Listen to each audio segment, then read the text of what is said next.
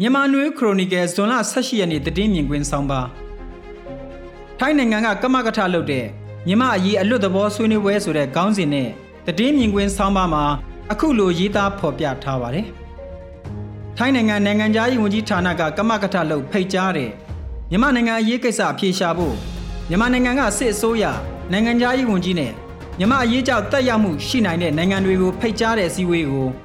ငကိုစီစဉ်တဲ့ ဇွန်လ18ရက်ထက်တရက်နောက်ဆုတ်ပြီးဇွန်လ19ရက်နေ့တနင်္လာနေ့မှာကျင်းပမယ်လို့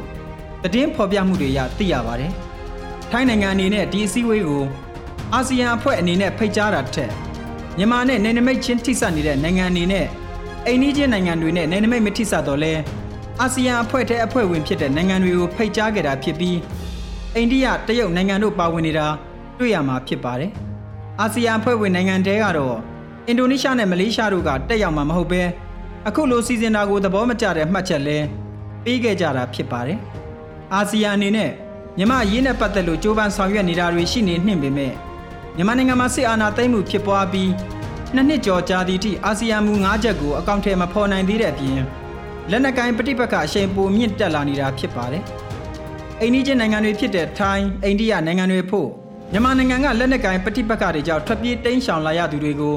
တောင်းကနန်းကနေတိန်ကနန်းထိလက်ခံထားရတာဖြစ်ပြီးနေဆက်ဖြတ်ကျော်ဖြစ်ပွားတဲ့လက်နက်မှောင်ခိုမှုလိုတရားမဝင်ဝင်ရောက်မှုတွေကိုလည်းကြုံတွေ့နိုင်ရတာကြောင့်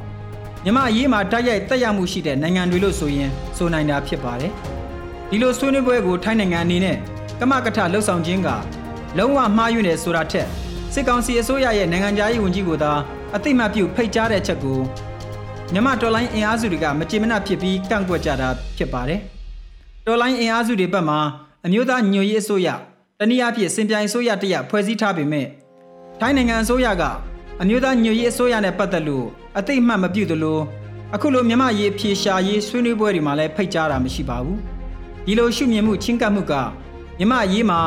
လက်ရှိအာဏာကိုချုပ်ကင်ထားတာတိုင်းပြည်ကိုအုပ်ချုပ်နေတာစစ်ကောင်စီသာဖြစ်တဲ့ဆိုတဲ့ရှုမြင်ချက်ယက်တီချက်ကိုဝေဖန်မေးခွန်းထုတ်ကြတာလည်းဖြစ်ပါတယ် နိုင်ငံတကာအနေနဲ့စစ်ကောင်စီကိုတန်တမန်ရေးရာဖယ်ကျင်ထားရေးကိုဥတီပြီးတော်လိုင်းအင်အားစုတွေကတောင်းဆိုနေတာဖြစ်ပြီး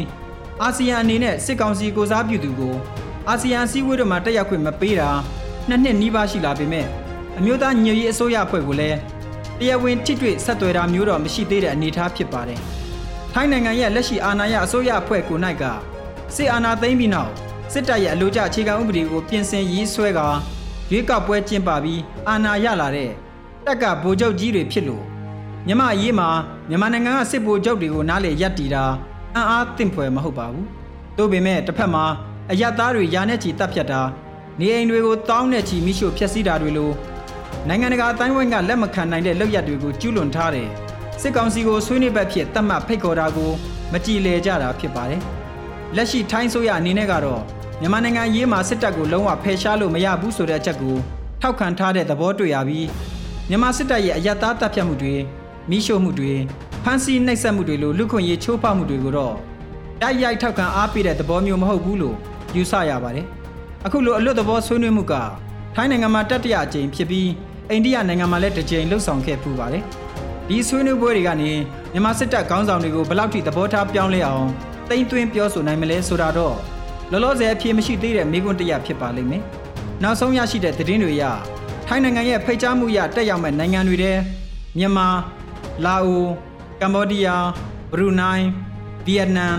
အိန္ဒိယနဲ့တရုတ်နိုင်ငံတို့ဖြစ်တယ်လို့သတင်းတရက်မှာဖော်ပြထားတာဖြစ်ပါတယ်ဒီအစည်းအဝေးစီစဉ်ဖိတ်ကြားတာနဲ့ပတ်သက်လို့အမျိုးသားညွှန်ရေးအစိုးရရဲ့နိုင်ငံခြားရေးဝန်ကြီးဌာနကထိုင်းအစိုးရထံကိုပြန်လည်ရုပ်သိမ်းဖို့စာပို့ခဲ့တယ်လို့မြန်မာရပ်ဘက်အဖွဲ့အစည်း300ကျော်ကလည်းထိုင်းအစိုးရထံကန့်ကွက်ကြောင်းစာပေးပို့ခဲ့ကြပေမဲ့ထိုင်းအစိုးရဘက်ကတော့တု တ်ပြန်ပြောဆိုခြင်းမတွေ့ရပါဘူး